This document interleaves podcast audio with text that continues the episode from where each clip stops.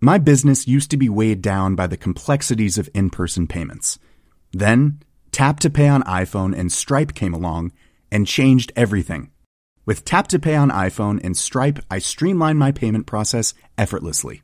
Now I can accept in person, contactless payments right from my iPhone. No extra hardware required. What's truly remarkable is how I can cater to all of my customers' payment preferences. Whether they're using cards, Apple Pay, or other digital wallets, Tap to Pay on iPhone and Stripe ensure a smooth checkout experience every time. And it's not just me. Stripe helps businesses of all sizes, from local markets to global retailers, scale quickly and stay agile. To learn how Tap to Pay on iPhone and Stripe can help grow your revenue and reach, visit stripe.com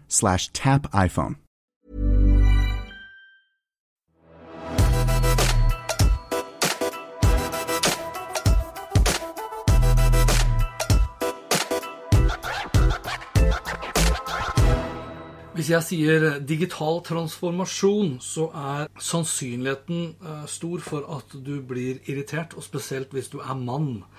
Skal vi tro da Anfo sin, sin undersøkelse, altså Den norske annonsørforeningen, fordi de var ute her 12.1 med en oversikt over de buzzordene vi ble mest irritert over i 2020. Eh, Og da for så vidt også en oversikt over de viktigste buzzordene som kommer da i 2021. Og det her er andre året som Anfo gjennomfører denne undersøkelsen, hvor de da snakker med markedsførere for å høre da om hvilke ord og uttrykk som eh, man da liker eller misliker, som eh, man kanskje syns er litt overvurdert, hypa eh, osv. Og på førsteplass så kom da digital transformasjon. De sa vel så mye som at 28% syntes at det var et svært irriterende begrep. Eh, Og som sagt, menn eh, i stor overvekt som da ikke liker det begrepet. Og det er mange eh, begreper som folk da misliker. Altså I fjor, da de gjorde tilsvarende undersøkelse, så var det da innholdsmarkedsføring som folk da mislikte eh, i størst eh, grad blant da markedsførere. Eh, Samtidig så var jo også da innholdsmarkedsføring det alle helt åpenbart elsket og satset på. Så det er jo stor forskjell på hva man, hva man sier og hva man gjør. Og, og derfor tok jeg også tak i liksom de her buzzordene. Og så brukte jeg Retriever for å finne ut da har, eh, har, det, har vi sett en tilsvarende endring i medielandskapet. Skriver man veldig mye, eller skrev man veldig mye om digital transformasjon i 2020 som gjorde at folk ble mer irritert?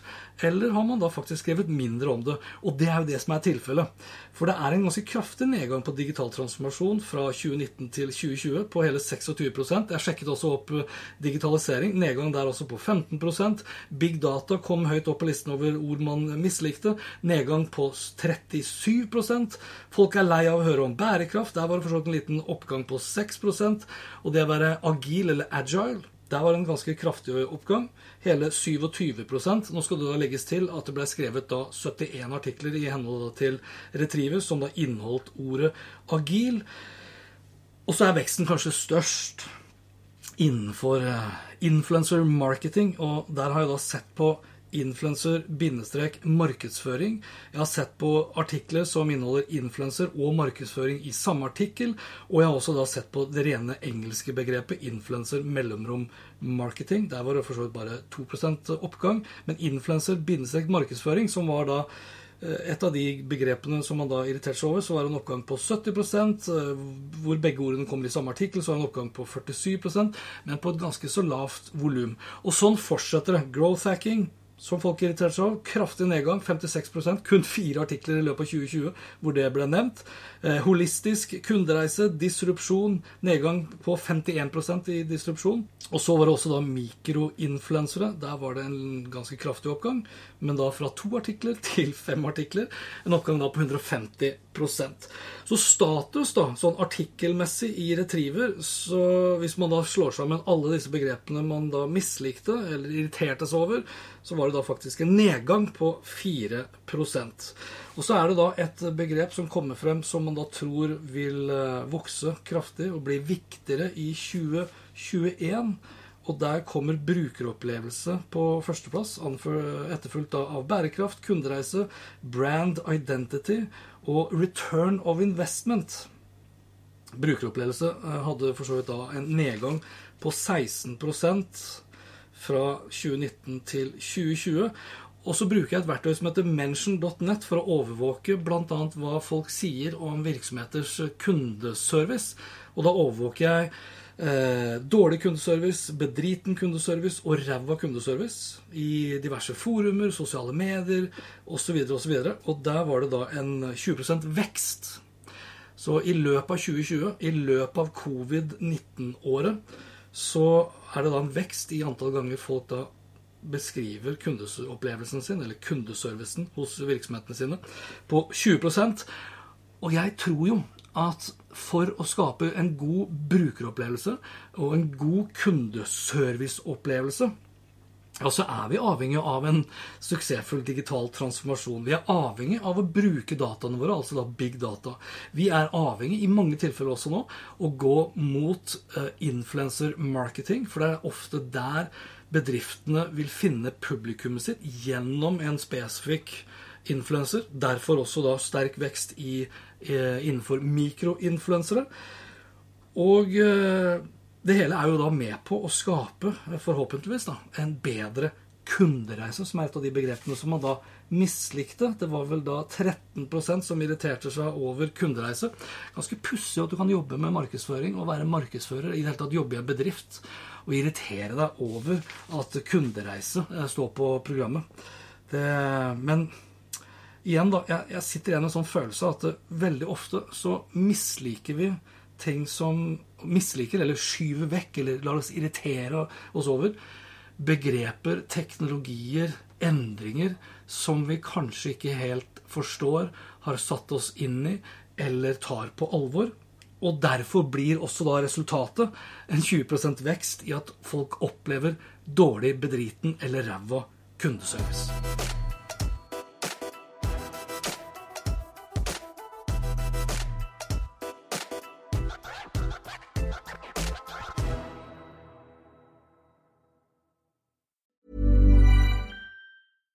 My business used to be weighed down by the complexities of in person payments.